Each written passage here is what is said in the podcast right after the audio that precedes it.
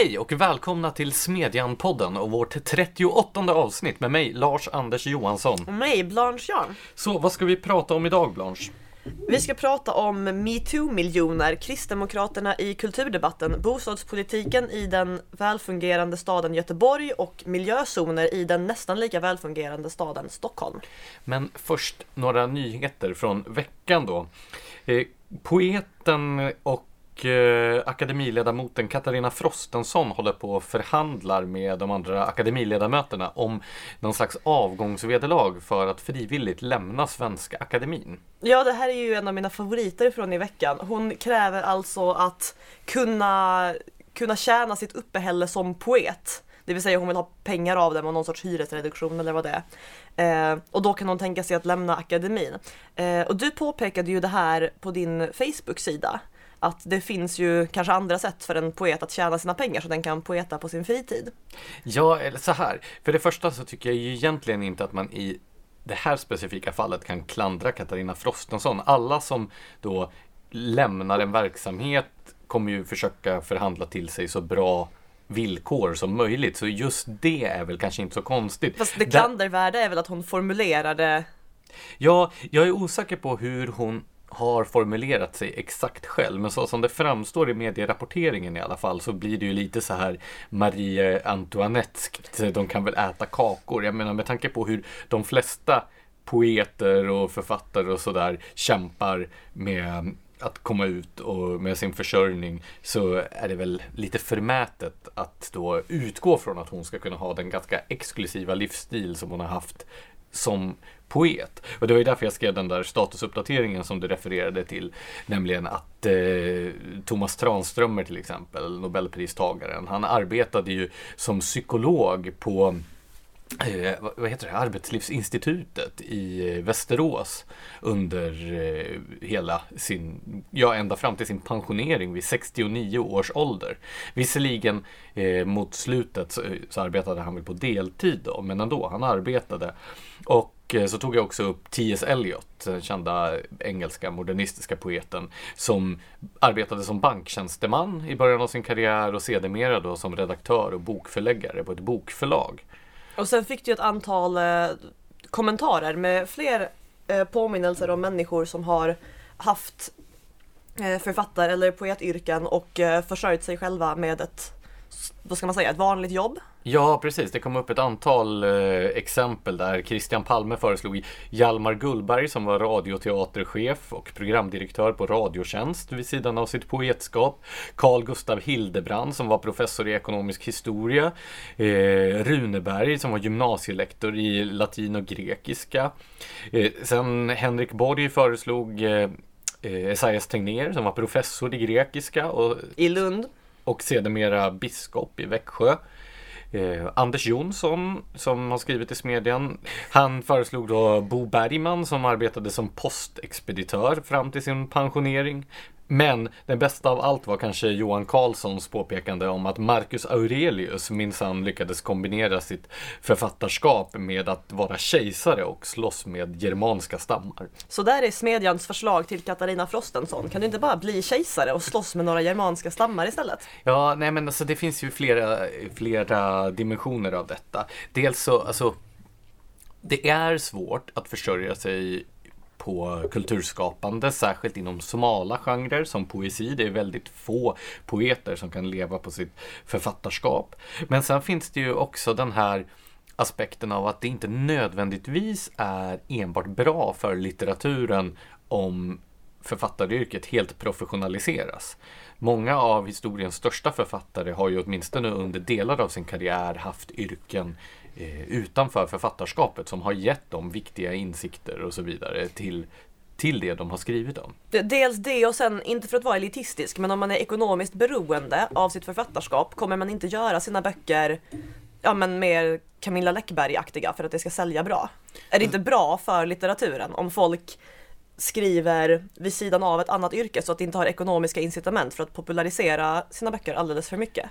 Ja, en sån dimension finns ju helt klart och och eh, det är väl också en av, en av eh, orsakerna till att väldigt många framgångsrika kulturskapare genom historien har kommit då från väldigt välbärgad bakgrund. Det vill säga det har varit ekonomiskt oberoende personer mer eller mindre som har gjort det. Men den där beroende, beroendeaspekten den finns ju oavsett om vi pratar om beroendet av en massmarknad eller beroendet av en rik mecenat eller beroendet av statliga allmosor. Då. Så att, Jo, det är ju klart att rika mecenater och staten också kan ha dålig smak förstås. men vi önskar Katarina Frostenson all lycka till i sina förhandlingar om avgångsvederlaget. Och sin kamp mot de germanska stammarna. Vad har mer hänt i världen? Ja, de gula västarna, Gillette Jones, fortsätter att härja i Frankrike och de har tydligen steppat upp sitt härj-game dessutom. De eh, körde in i någon slags regeringsbyggnad i Paris med en gaffeltruck och tvingade eh, regeringens talesperson Benjamin Griveaux att evakueras. Det var det här du nämnde för mig igår på kontoret på ett sätt som fick mig att tro att de hade tagit en gaffeltruck och jagat personen inne i regeringsbyggnaderna med gaffeltrucken. Så jag är ju lite besviken på storyn efter att ha förväntat mig det. Men det är ju en smula obehagligt. Det, jag vet inte om du har sett de här filmklippen från eh, då våldsamma sammanstötningar mellan demonstranter och eh, polis i Paris under den gångna helgen till exempel. Nej, verkar ju det har jag inte gjort. Det är, av någon anledning så visas inte de här sakerna i svenska medier men det finns gott om filmklipp på nätet och det är rätt brutala våldsamheter som pågår. Vilket gör det ännu mer anmärkningsvärt att nu Italiens regering har gått ut och uttalat stöd för de här protesterna. Men det där är ju en så dum grej att göra för att varje rörelse som ett främmande land, bara det här tycker vi är jättebra, den blir ju liksom misskrediterad i sitt eget land. Det var ju som inför eh, Brexitomröstningen när var det inte Frankrike som bara, nej men vi stödjer Remain-sidan. Vilket ju skadade Remain-sidan jättemycket. Ja, och sen när det kommer till de här eh, gula västarna så är det ju också, det är en ledarlös rörelse som består av alla möjliga olika fraktioner från den yttersta vänstern till den yttersta högern. Det verkar som att olika grupperingar inom de här protesterna har helt olika program, olika sakfrågor, olika eh, syn på om man ska använda våld eller inte. Och att då som eh, etablerade politiska partier gå ut och stödja en sån här nebulös rörelse. Det är ju väldigt vanskligt med tanke på att det kan leda åt vilket håll som helst och de kan göra vad som helst. Ja, det där är också en inrikespolitisk fransk grej. Alltså vad har Italien ens med det att göra? Jag tror ju att eh, italienarna är ganska irriterade på Frankrike efter då, det var väl förra sommaren när de stängde gränsen mot Italien för migranter. Så att de tyckte att eh, Frankrike dumpade hela migrationskrisen i knät på, på Italien. Ja, så nu känner Italien att nu kommer det gula västarna och gör livet surt för er. Så att det här är lite kul, vi Ja, men det. lite som när danskar gläds åt att saker går åt helvete i Sverige och så vidare. Ja, men jag kan ju alltid sympatisera med skadeglädje, så okej, jag, jag stöttar Italiens stöttande av de gula västarna. Men sen finns det ju de som också har stått upp emot de gula västarna. Till exempel Sveriges ambassadör i Frankrike, Veronica Wande Danielsson, som gick ut och eh, hutade åt demonstranter som hade tänt eld på en julgran utanför den svenska ambassaden i Paris. Alltså den här kvinnan har enskilt gjort mer för Sverigebilden än hela regeringen Löfven sammanlagt under fyra år. Det här är liksom hur jag vill bli representerad utomlands. Någon tänder eld på en gran och vår ambassadör går personligen ut och jagar bort dem. Det är ju fantastiskt. Det har ju också investerats ganska mycket Eh, svensk prestige i just detta att julgranar inte ska brinna. Det var väl eh, Fredrik Reinfeldt som ställde den retoriska frågan för några år sedan om brann julgranen eller inte. Så att, då är det ju bra om julgranar inte fattar eld, tänker jag. Ja, det är ändå skönt att det i alla fall inte sker inom Sveriges gränser. Men eh, respekt till Veronica Wand Danielsson då som eh, går ut och styr upp. Ja, verkligen. Och tack för ditt bidrag till Sverigebilden. Ja, Sverigebilden TM. Yes. Sen så pågår det ju ett eh, fullkomligt inbördeskrig i det parti som kallar sig Liberalerna. Ja, det är ju sant. Eh, eller alltså det pågår väl alltid någon sorts inbördeskrig där. Det är ju, alltså, det sköter ju allt sånt här väldigt offentligt. Det är någon sorts öppenhetsprincip som de har dragit till det extrema. Men det är ju ändå fint att se att det finns väldigt många i det här partiet som fortfarande vill vara på den borgerliga sidan i politiken. Ja, och inbördeskriget går i korthet ut på om man vill att Sverigedemokraterna ska vara ett stödparti åt en borgerlig regering eller om man själv vill vara stödparti åt en socialistisk regering. Ja, man skulle kunna tycka att valet vore enkelt eftersom det ena innebär att man själv får makt och det andra innebär att Socialdemokraterna får makt. Men vad vet jag? Ja, Liberalernas vägar är outgrundliga. Men i nästa vecka ska vi väl äntligen få besked. För att alltså tror du själv på det? För alltså jag tror liksom, alltså med tanke på hur många gånger vi har fått höra att vi nästa vecka ska få besked. Alltså jag tror inte vi kommer få något besked. Jag läste en artikel i någon av kvällstidningarna, det är svårt att skilja dem från varandra nu för tiden, men där fyra statsvetare hade intervjuats. Och om jag inte missminner mig så var deras, alltså det var professorer i statsvetenskap. Så vi har lagt väldigt mycket skattepengar på att driva fram dessa orakel. Och eh, slutsatsen av deras samlade omdömen var att antingen blir det Kristersson eller så blir det Löfven. What? Stoppa pressarna? Ja, Alltså vad fan, vilken, alltså det här är alltså expertis som tar hur många år att införskaffa? många år. Okej, ja. Ska, har det hänt något mer eller ska vi gå vidare till eh, dagens ämnen? Du hade några nyheter också va? Jo men det hade jag. Till att börja med så läste jag, om det var igår, att eh, branschorganisationen Fastighetsägarna Eh, ska börja välja hyresgäster utan att gå på kötid. Så tidigare har det ofta varit del av lokala bostadsförmedlingar och nu skapar det en annan tjänst istället där man kan registrera sig och söka bostäder och sen får hyresvärden helt enkelt, som om det fanns en fri marknad, faktiskt välja vem den vill hyra ut till. Men är det här något sånt här lurigt projekt för att då minska segregation eller så? Så att eh, människor med, eh, som lever i utanförskap ska få förtur? Är det det som är? Alltså, det handlar ju inte om att ge någon förtur, det handlar ju om att fastighetsvärdarna får välja själv. Så kanske det finns någon Jo, vad är- fastighetsägare som vill ge förtur. Vad är argumentet för detta? För det Alltså, brukar vad jag- alltid vara Nej, så. vad jag förstår så handlar det här om att eh, fastighetsägarna i Göteborg blev utslängda ur, om det heter Boplats Göteborg, alltså deras bostadskö. Eh, och då tänkte det att, ja men då gör vi väl vårt eget sätt för att hitta eh, hyresgäster. Och sen så har andra eh, lokala fastighetsägarförbund hakat på. Så jag vill minnas att det bara var i södra Sverige och typiskt nog i Stockholmsområdet som det här ännu inte gäller. Men det är ju väldigt kul för folk eh, som är unga och inte har föräldrar som sitter på en halv miljon eftersom det ger dem för första gången en chans att få ett förstahandskontrakt. Så jag är ju starkt positiv till det här. Ska vi gå vidare till dagens ämnen? Ja, precis. Du skrev i veckan om regeringens satsning på eh, metoo, eller rättare sagt att, man, att regeringen satsade en massa skattemiljoner mot sexuella trakasserier för att kunna haka på den här hypen som blev kring hashtaggen metoo förra året. Ja, då är det nästan ändå ett välvilligt sätt att uttrycka det. Alltså, så här, i, inför vårbudgeten 2018 så bestämde regeringen Löfven och alla som valde att rösta på deras budget att det var en bra idé att satsa 120 miljoner kronor på vad man kallade metoo-satsningar. Eh, och av dessa gick då ungefär hälften till myndigheter som sen fick förfoga över dem inom ramen metoo. Eh, och förra veckan avslöjade SVT att hälften av pengarna inte ens har använts. Det här är ju anmärkningsvärt i sig med tanke på vilken kreativitet myndigheter annars brukar uppvisa eh, vad gäller att spendera skattepengar. Eh, så okej, lite kreativitet har ju funnits där. Till exempel har Diskrimineringsmannen spenderat 2,5 miljoner på en... Diskrimineringsombudsmannen menar du? vad sa jag? Diskrimineringsmannen. Det hade ju varit episkt om pengar hade delats ut till en diskrimineringsman. Det låter som något slags superskurk i någon extremt sossig barnserie. Kanske en, Som jag verkligen vill läsa nu. en adventskalender från SVT eller någonting. Åh nej, där kommer diskrimineringsmannen. Eller så här ett, ja men tänk om LO gör en så här informationsserie för att, för att lära en om diskriminering. Typ då kan jag lätt se diskrimineringsmannen. Nå, vi brukar allvar. Det här är ju allvarliga saker. Diskrimineringsom... Det står till och med i dina anteckningar. Diskrimineringsmannen. Jo, jag är nu plågsamt medveten om detta. Diskrimineringsombudsmannen. Ja, han spenderade, eller den.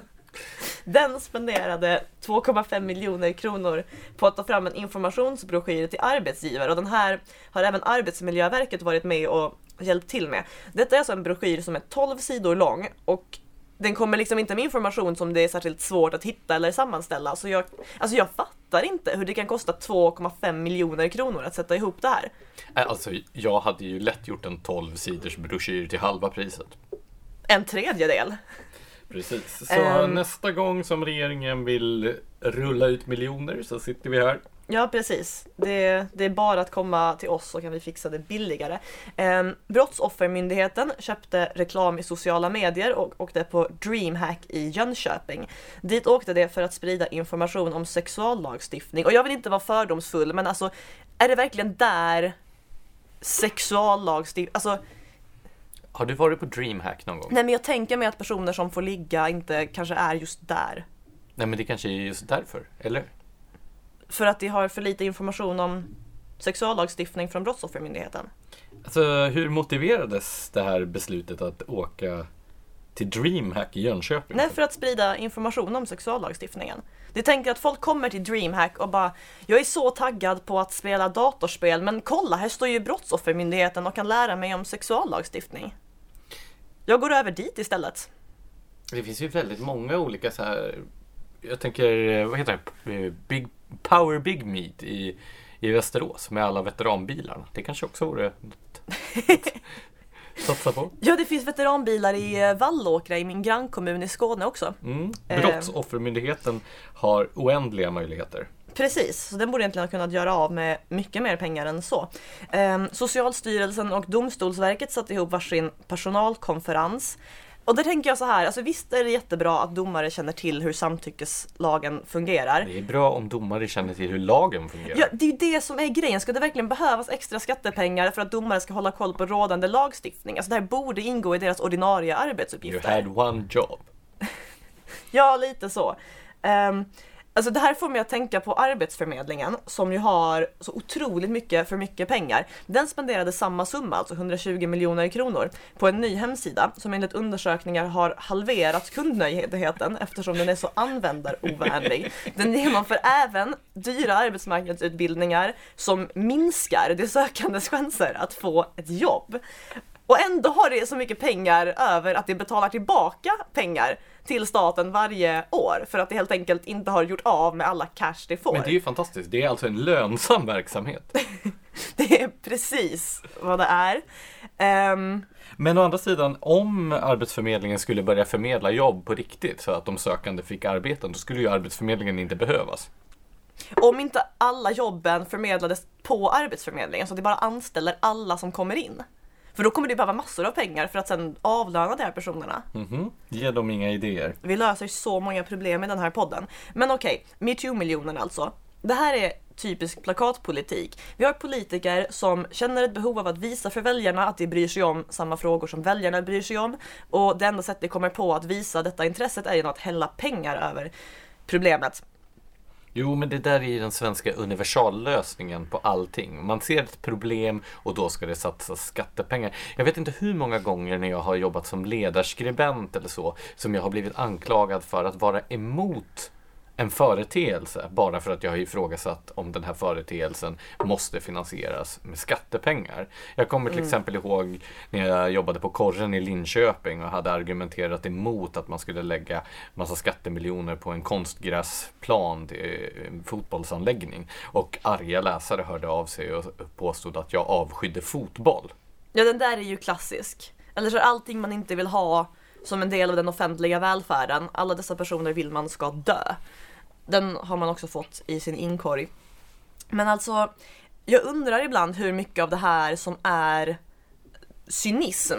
Alltså, ja men om vi lägger 120 miljoner kronor på det här så ser det ut som att vi bryr oss och så kommer väljarna att gilla oss. Ja, bra, problemet löst liksom ur vårt perspektiv. Och hur mycket som är att de här människorna på riktigt tror att saker löses om ni får skattepengar. Nej men så här, politiken har ju blivit en karriärväg snarare än eh, någonting som engagerade medborgare ägnar sig åt för att de vill ta ansvar för, för eh, då, hur samhället fungerar. Och den här karriärvägen är ju beroende av att politikerna framstår själva i positiv dager på kort sikt. Det som är långsiktigt gynnsamt för alla, det betalar ju sig sällan för den enskilda politikern. Och då är det ju jättebra att göra sådana här utspel som gör att man får goodwill i media och sen blir omvald och kan tjäna mer pengar. Ja. Nu lät jag väldigt cynisk men... Eh... Nej men det gillar vi. Um... Men det här, alltså jag tänker på Arbetsförmedlingen här också. Alltså, det summor den får är ju knappast plakatpolitik för det här är ju ingen innefråga utan en, ett återkommande problem att folk inte har jobb. Utan där måste det ju vara politiker som faktiskt på riktigt tror att arbetslöshet är någonting som man kan åtgärda genom att ge, ge det skattepengar. Även om, alltså jo, vad gäller metoo Pengarna tror jag ärligt talat att det är liksom rent cyniskt, här, nu ser vi bra ut. Eh, men grejen är ju att metoo-rörelsen består ju av en olycklig sammanblandning av dels saker som inte är samhällsproblem, typ så här ungdomar som missuppfattar signaler på fyllan och dels saker som är samhällsproblem, typ sexuella trakasserier och våldtäkter. Och alltså det förra är ju inte någonting staten kan eller bör försöka göra någonting åt. Men det andra skulle den ju kunna vidta bra åtgärder för att komma till rätta med ifall den ville.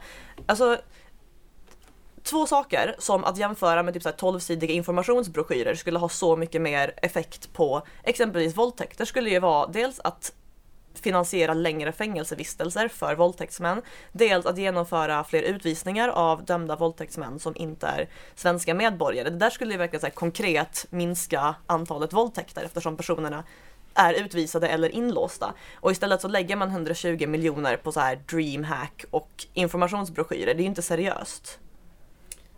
Nej. Och med de orden eh, så går vi vidare till nästa ämne. Du har skrivit om Kristdemokraterna i kulturdebatten, hiss eller diss? Alltså, jag tyckte det var lite upplivande när eh, Kristdemokraternas partiledare Ebba Busch Thor gick ut i mellandagsstiltjen som ju i år var ännu mer stiltje än annars på grund av då den här insomnade regeringsbildningsprocessen. eh, och eh, blå, hon blåste nytt liv i den gamla debatten om huruvida det finns en svensk kultur eller inte. Vad har det funnits en sån debatt? Ja, en fullkomligt bizarr, unik svensk debatt där då man skulle kunna säga att den ena sidan hävdar att det finns ingen svensk kultur och den andra sidan hävdar att Jo, det gör det visst det. Eh, för att hårdra det. Eh, och eh, Ebba Busch Thor lyckades genom att påstå att det faktiskt finns en svensk kultur röra upp hela det här sedvanliga kulturvänsteretablissemanget som då var tvungen att rycka ut och framförallt försvara Ingrid Lomfors om du minns henne från mm. Forum för levande historia som Eh, på regeringens uppdrag stod på den här märkliga migrationsjippo-konferensen 2015 och hävdade att det finns ingen inhemsk svensk kultur. Eh, ett påstående som hon sen också fick backa ifrån. Alltså det är så pinsamt hela det här eh, hela den här argumentationslinjen som Lomfors och andra driver eftersom de argumenterar mot en halmgubbe. Inte ens den mest inbitna chauvinistiska ultranationalisten hävdar ju att kultur aldrig förändras.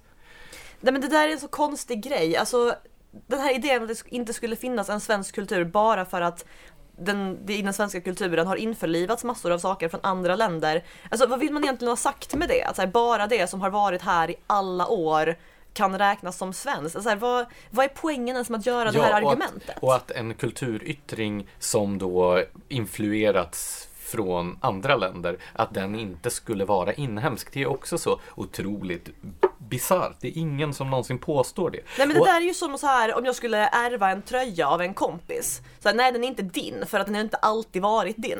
Ja om du skulle, och dessutom så här om du ärver en tröja av en kompis och sen broderar ett nytt mönster på framsidan. som jag alltid gör när jag ärver tröjor. Jo men det var du som drog in den här metaforen. Så jo okej okay, jag får skylla själv. själv. Ja, eh, så har du egentligen inte tillfört någon någonting till den här tröjan eftersom tröjan ursprungligen kom någon annanstans ifrån. Eller kanske ännu tydligare, om du har stickat en tröja med ull som du har köpt från ett annat land, då har du egentligen inte stickat den här tröjan eftersom ullen kommer någon annanstans ifrån. Okej, så de här människorna är galna och Ebba Busch Thor sa det åt dem. Ja, nej men alltså det blir ännu tydligare. Eh, även Smedjan fick ju sig en släng av sleven när Jens Liljestrand i Expressen gav sig på Ebba Busch Thor, men också Hanna-Karin Gränsman som skrev en eh, läsvärd text i Smedjan strax före jul om jultraditioner. Och hur julen utan dem är en vanlig jävla måndag. Ja, men istället för att argumentera mot Hanna-Karin Gränsmans text så släpade Jens Liljestrand in jordens största halmgubbe och argumenterade mot den i och med att han skrev att Hanna-Karin då, vilket helt saknade grund i hennes text, inte hade förstått att på 1800-talet hade man ingen julskinka. Alltså är julskinkan inte så... Nej, det, det men så här, de här människorna har inget case. Den som är intresserad av hur olika typer av kulturer utvecklas över tid och så kan med fördel läsa Dan Korns utmärkta bok Kalle Anka på kräftskiva där han skriver just om hur traditioner utvecklas och utformas och nationella kulturer och identiteter och så vidare. Och även berör då integrationsaspekten av det hela som ju var ingången till Ebba Buschs artikel där hon menade att svenskar brukar ju, om man blir hembjuden till till en svensk familj så blir man alltid visad på husesyn. Mm. Men när det kommer till att ta emot människor som flyttar hit från andra länder, då gör man istället tvärtom. Alltså visst, det är en lite haltande metafor, men då menar hon att då försöker man istället så här förneka allting inhemskt och skyla över det, vilket försvårar integrations, integrationsprocessen. Hur som helst, det som gjorde mig lite upplivad av det här utspelet och inte minst då debatten, det var den här förskjutningen av positionerna i kulturdebatten som det medförde i och med att Kristdemokraterna som har drivit en konsekvent högerlinje under hela valrörelsen och även efter valet nu också utmanade vänsternarrativet och det här vänsteretablissemanget. Det som det som eh, Busch Thor i sin artikel kallade för myndighetsvänstern, det vill säga aktivistiska tjänstemän som driver en agenda för, på myndigheter. Det gjorde ju att den här konflikten som har målats upp där det är Sverigedemokraterna på ena sidan i någon slags kulturkamp och på den andra sidan så står alla de goda progressiva krafterna, det vill säga Centerpartiet och Miljöpartiet.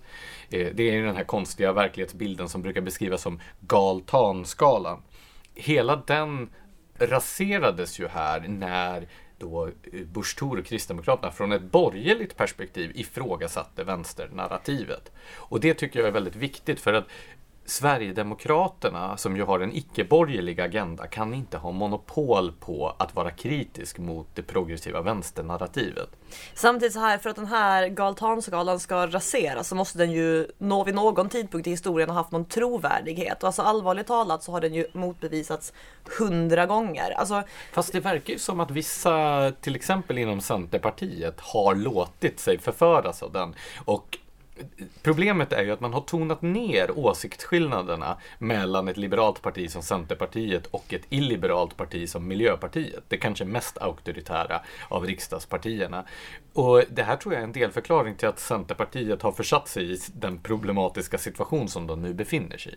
Men rätta mig om jag har fel, men skrev du inte också att Centerpartiet är ett av vinnarna på Galtanskalan? Och i så fall så kanske det kan vara orsaken till att det jag, har låtit att, sig... Jag tror att man länge var det. Alltså, jag tror att logiken ser ut så här. Eh, Sverigedemokraterna har ju gynnats av den här eh, liksom, beskrivningen av konflikten eftersom Definitivt. de har framställts som enda motpolen till den progressiva vänsteragendan. Och Centerpartiet gynnades länge i och med att de skickligt lyckades positionera sig som Sverigedemokraternas främsta motståndare.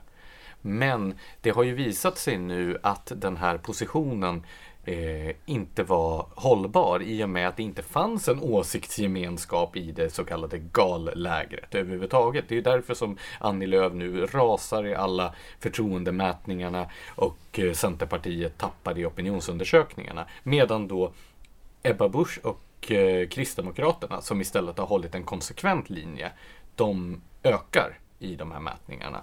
Eh, så jag tror att det har varit ehm, det var kortsiktigt gynnsamt för Centerpartiet men långsiktigt ganska förödande. Och jag tror att för borgerligheten som helhet så är det viktigt att då ifrågasätta det här radikala vänsternarrativet även när det kommer till frågor som rör kultur. Men då naturligtvis inte från ett nationalistiskt populistiskt perspektiv utan helt enkelt från ett liberal, en liberal-konservativ utgångspunkt. Fast då är ju frågan varför det här inte har gjorts tidigare i borgerligheten. Varför inte Moderaterna plockade upp det här för länge sedan? Ja, exempel. jag har skrivit flera böcker på det temat och eh, det är väl det som man skulle kunna kalla det borgerliga Stockholmssyndromet. Det vill säga att det finns ett eh, det finns ett så dåligt självförtroende på vissa politikområden inom borgerligheten att man har undvikit att utmana den här, den här vänsterdominansen länge. Det var väldigt tydligt under alliansåren till exempel där man inte vågade utmana i, på det kulturpolitiska området. Jo men sen dess, det är ju alltid enklare att vara i opposition. Man kunde väl passat på. Ja, fast jag tror inte att, det, att man har uppfattat det så. Men jag tror att det kommer att bli en, att det kommer att bli en förändring. Jag tror Kristdemokraterna har vunnit mycket på detta och jag tror att till exempel Moderaterna också skulle göra det om de vågade göra det. Tror du det kommer börja våga göra det? Ja, det är, det är väldigt svårt att, svårt att sia om. Men eh, det var i alla fall lite upplyftande att se att Kristdemokraterna gjorde det här. Eh, det var, Göran Hägglund gjorde ju ett försök. Minns du verklighetens folk-diskussionen Mm. som var för ett antal år sedan? Men då var väl kanske inte riktigt tiden mogen inom det egna partiet tror jag. Jag tror att problemet där var att åsikterna för mycket gick isär inom Kristdemokraterna medan Ebba Busch Thor har ett mycket mer kompakt stöd Sant. eftersom hon levererar också opinionssiffror. Samtidigt blev ju själva begreppet verklighetens folk kanske Hägglunds främsta, vad heter det, legacy-arv. Ja, jo absolut, det bet ju sig fast. Men det ska bli spännande att följa den här utvecklingen och framförallt så vore det ju skönt om eh, den här galtanskalan begravdes en gång för alla. Den har ju ingen empirisk relevans överhuvudtaget i det svenska sammanhanget. 2016 så var det någon statsvetare som importerade en 17 år gammal amerikansk verklighetsbeskrivning som inte ens hade fått något genomslag i den amerikanska debatten. Alltså den är så, den är så oanvändbar att i det anglosaxiska sammanhanget att den inte ens har en engelskspråkig Wikipedia-sida. Ja, och det här var väl dessutom efter att Miljöpartiet, som ju ska föreställa väldigt grönt, alternativt och liberalt, hade gått ut med sitt kulturpolitiska manifest om hur kulturen skulle göras till ett verktyg för att påverka människor att bli som Miljöpartiet vill att vi ska vara. Typ. Ja, till och med Åsa Lindeborg tycker att Miljöpartiet är för auktoritära. Så den här räddningsaktionen som användarna av galtanskalan har ägnat sig åt, att försöka låtsas att Miljöpartiet är ett liberalt parti, den har ju bevisligen inte funkat. Nej, ett annat exempel som jag slänger in innan vi går vidare på att gröna partier är otroligt ofrihetliga och då menar jag så här över hela Europa, inte bara Miljöpartiet. Det är det här Nanny State Index som kollade hur Europaparlamentets ledamöter från alla enskilda partier i alla länder har röstat i folkhälsofrågor. Det fanns totalt tio partier i hela Europa vars representanter i Europaparlamentet aldrig någonsin i en enda omröstning har valt den frihetliga linjen i de här frågorna. Och ett av dessa var det svenska Miljöpartiet. Av de, av de andra var åtta ur samma miljöpartigrupp, alltså gröna partier, och sen var det ett kommunistparti typ. Ja, nej men det, jag blir inte förvånad, men Nej, det sjuka är ju att andra fortfarande verkar bli förvånade över hur auktoritärt Miljöpartiet kan vara. Men då kanske det är på väg att vända nu. Låt oss hoppas. Ska vi prata bostadspolitik i Göteborg? Ja, du har skrivit om det i veckan. Där har nämligen bostadsdirektören diskuterat med de stora bankerna om att man ska frångå sina vanliga principer om vem som ska få, vem som ska beviljas bostadslån och inte. Ja, eller alltså det är ju väldigt otydligt exakt vad det här gick ut på. Men han, alltså fastighetsdirektören, bjöd in fyra stora banker för att tala om hur man kunde få, alltså göra det möjligt för fler att köpa bostäder. Eh, och det poängterades ju att lagar och regler inte skulle kringgås. Men sen sa han också en väldigt konstig formulering i en intervju med Sveriges Radio. Eh, han sa så här Ta ett utsatt område, till exempel Gårdsten eller Tynnered. Ofta finns det kapital för att klara av kontantinsatsen, men den finns kanske inte alltid på bankkonton.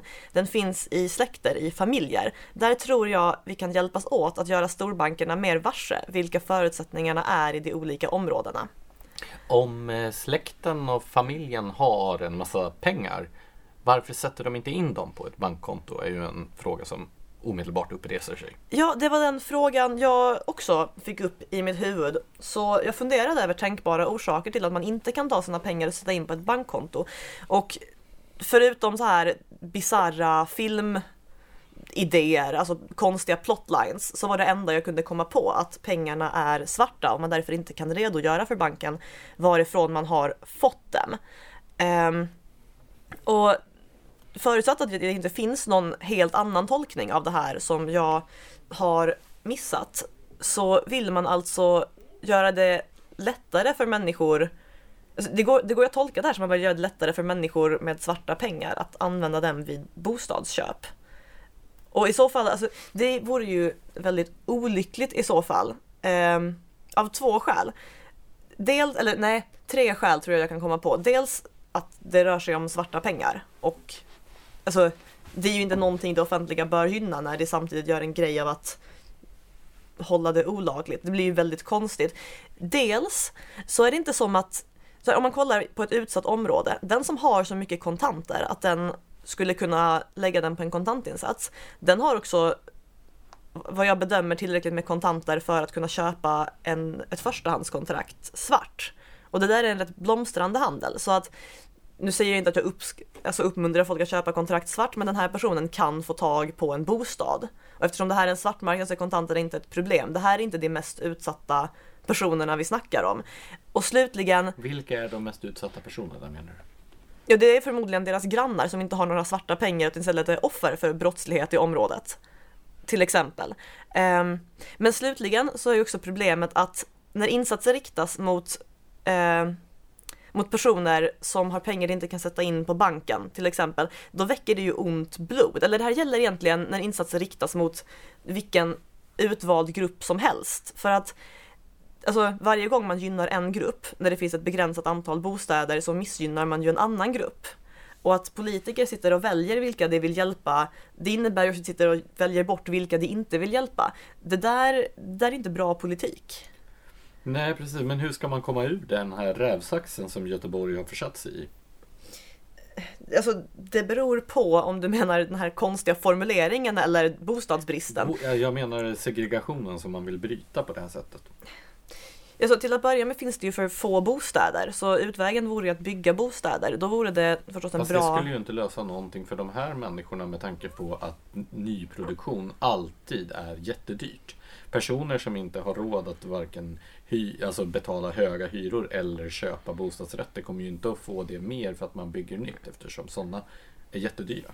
Jo men när, det, när man når en punkt att det har byggts så många lägenheter att det är brist på personer som kan bo i dem i förhållande till lägenheterna och inte tvärtom, då kommer ju priserna att sjunka. Jo, men det kommer man ju inte att kunna göra eftersom ingen kommer att vilja bygga nya dyra bostäder om det inte finns människor som kan betala för det. Så den här gruppen människor kommer ju ändå inte att ha några bostäder. Alltså problemet är ju dels att lägenheter, alltså att lägenheter är så dyra i nybyggen. Det beror ju på att det har eh, vad som kallas en presumtionshyra, så att det får ta ut någonting som ska påminna om en marknadshyra i 10 eller 15 år, om jag minns rätt. Um, så den regeln är utformad så att den som bor i det gamla beståndet fortfarande har enorma Eh, prislättnader men inte den som bor i det nya beståndet. Sen handlar det också om att reglerna för bostadsbygge är utformat så att det är svårt att bygga särskilt billiga bostäder. Det är så här bullerregler och ljusinsläpp och lägenheten måste ha ett gigantiskt badrum till exempel, vilket ju, alltså det finns så många sådana här saker som ökar kostnaderna. Så det finns definitivt saker man kan göra där också.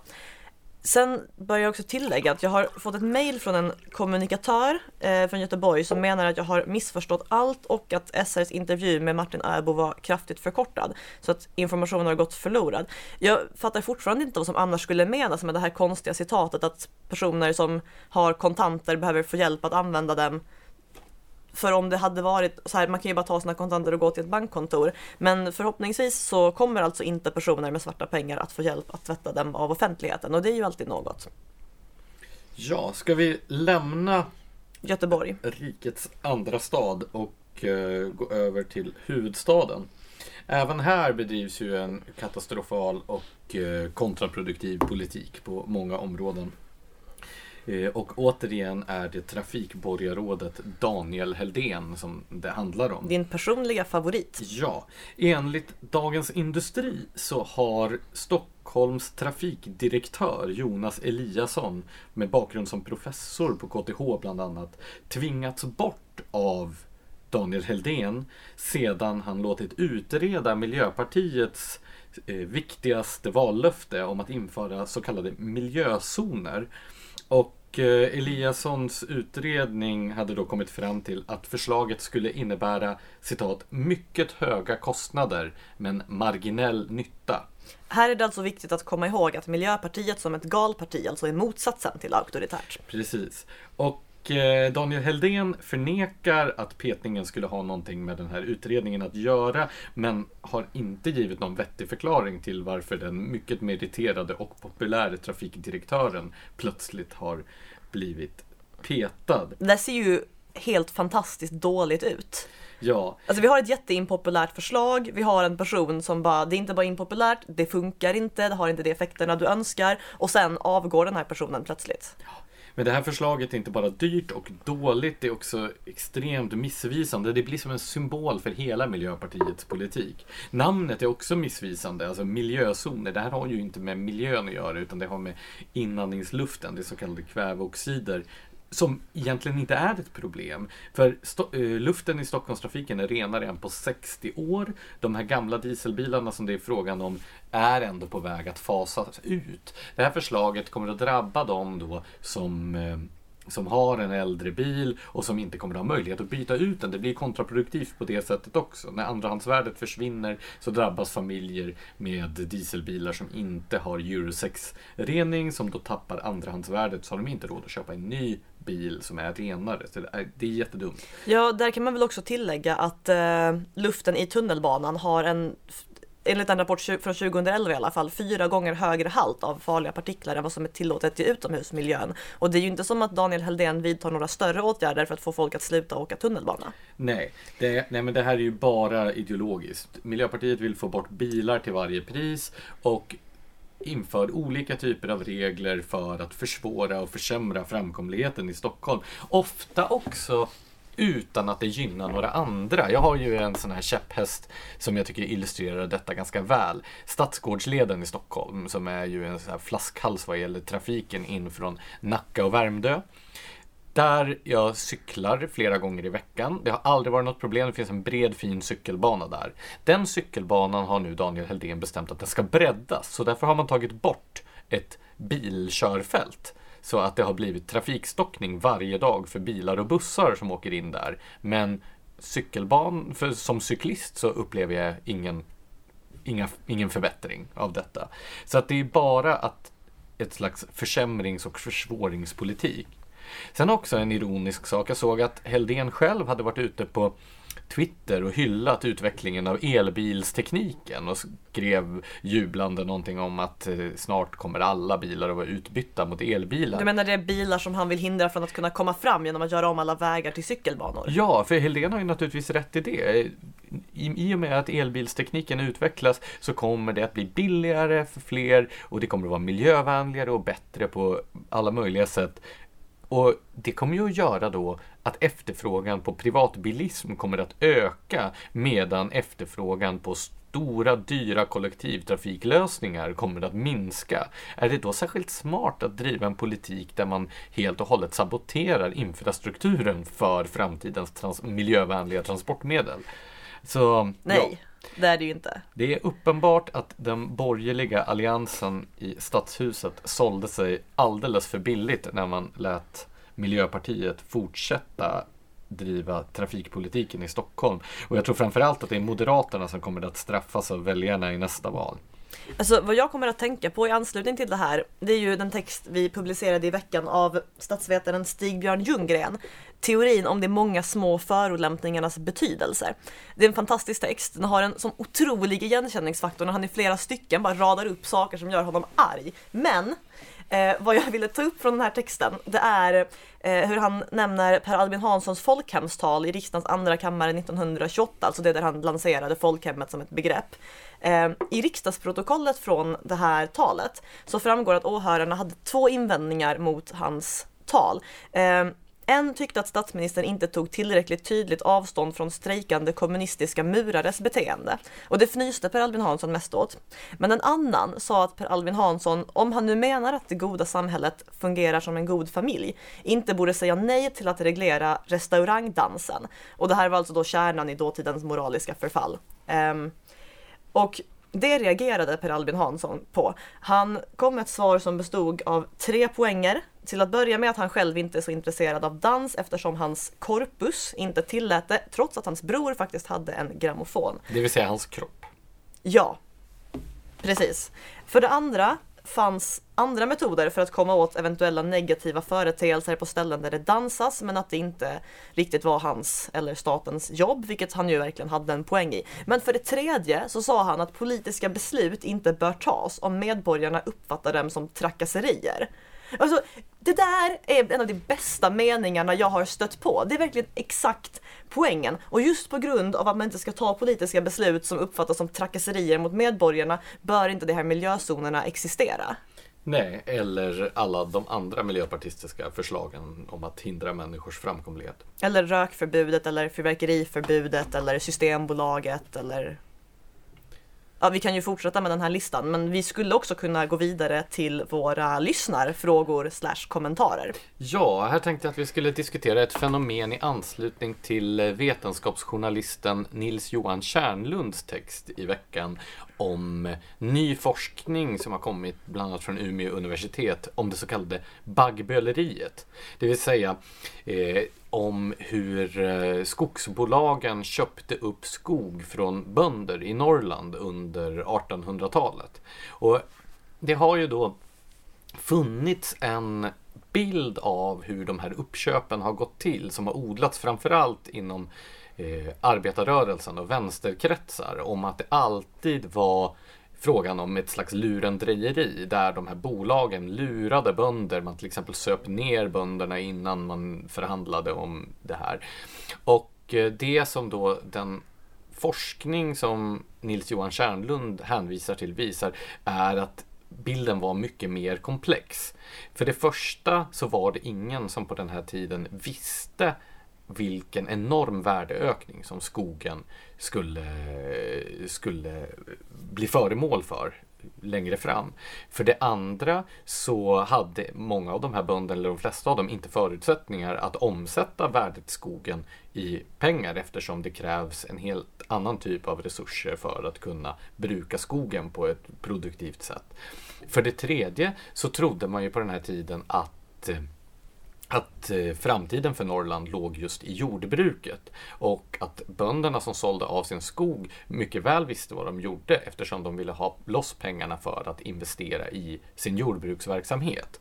Så Nils Johan har ju då nyanserat med hjälp av ny forskning eh, nyanserat den här ganska svartvita bilden av de onda skogsbolagen och de lättlurade bönderna som har traderats tidigare. Ja, och jag insåg inte hur otroligt ingrodd den här svartvita bilden av baggböleriet är i folks medvetanden förrän jag såg kommentarerna på Smedjans Facebook till det här det var ju, alltså människor blev ju genuint provocerade av tanken på att baggböleriet inte skulle ha gått till som det uppfattat att det går till. Och därför försökte de angripa trovärdigheten i texten genom att påstå att det eh, minsann inte finns några forskare som säger det eller att det finns en agenda. Du kanske vill dra ett par? Ja, alltså någon Joakim Seder eh, kommer med en helt annan bild får ni om ni läser Baggböleri av Freke Reihä. Prosalyrik visserligen, men mycket detaljerad med namn och allt. Och ja, alltså den ger säkert en helt annan bild. Än forskningen. Ja, och eh, det, det, blir så konstigt. Det är klart att det kan finnas lyrik som förmedlar en, en annan bild, men att det skulle vara ett argument mot då de här avhandlingarna och så vidare som Nils-Johan Kärnlund hänvisar till. Det, det, det är så konstig typ av argumentation. Eller hur? En, har- annan, en annan gick in och påstod att det inte fanns någon forskning alls som bakgrund för texten. Så tänkte jag, då lägger jag 30 sekunder av min dag på att scrolla igenom texten och se vad jag hittar för forskarnamn. Hittade fem stycken på 30 sekunder, skriver dem och bara det här är ju forskare som han hänvisar till. Varpå killen svarar, det finns förstås en agenda även hos forskare. Förutom eh, att det finns forskning som visar på motsatsen.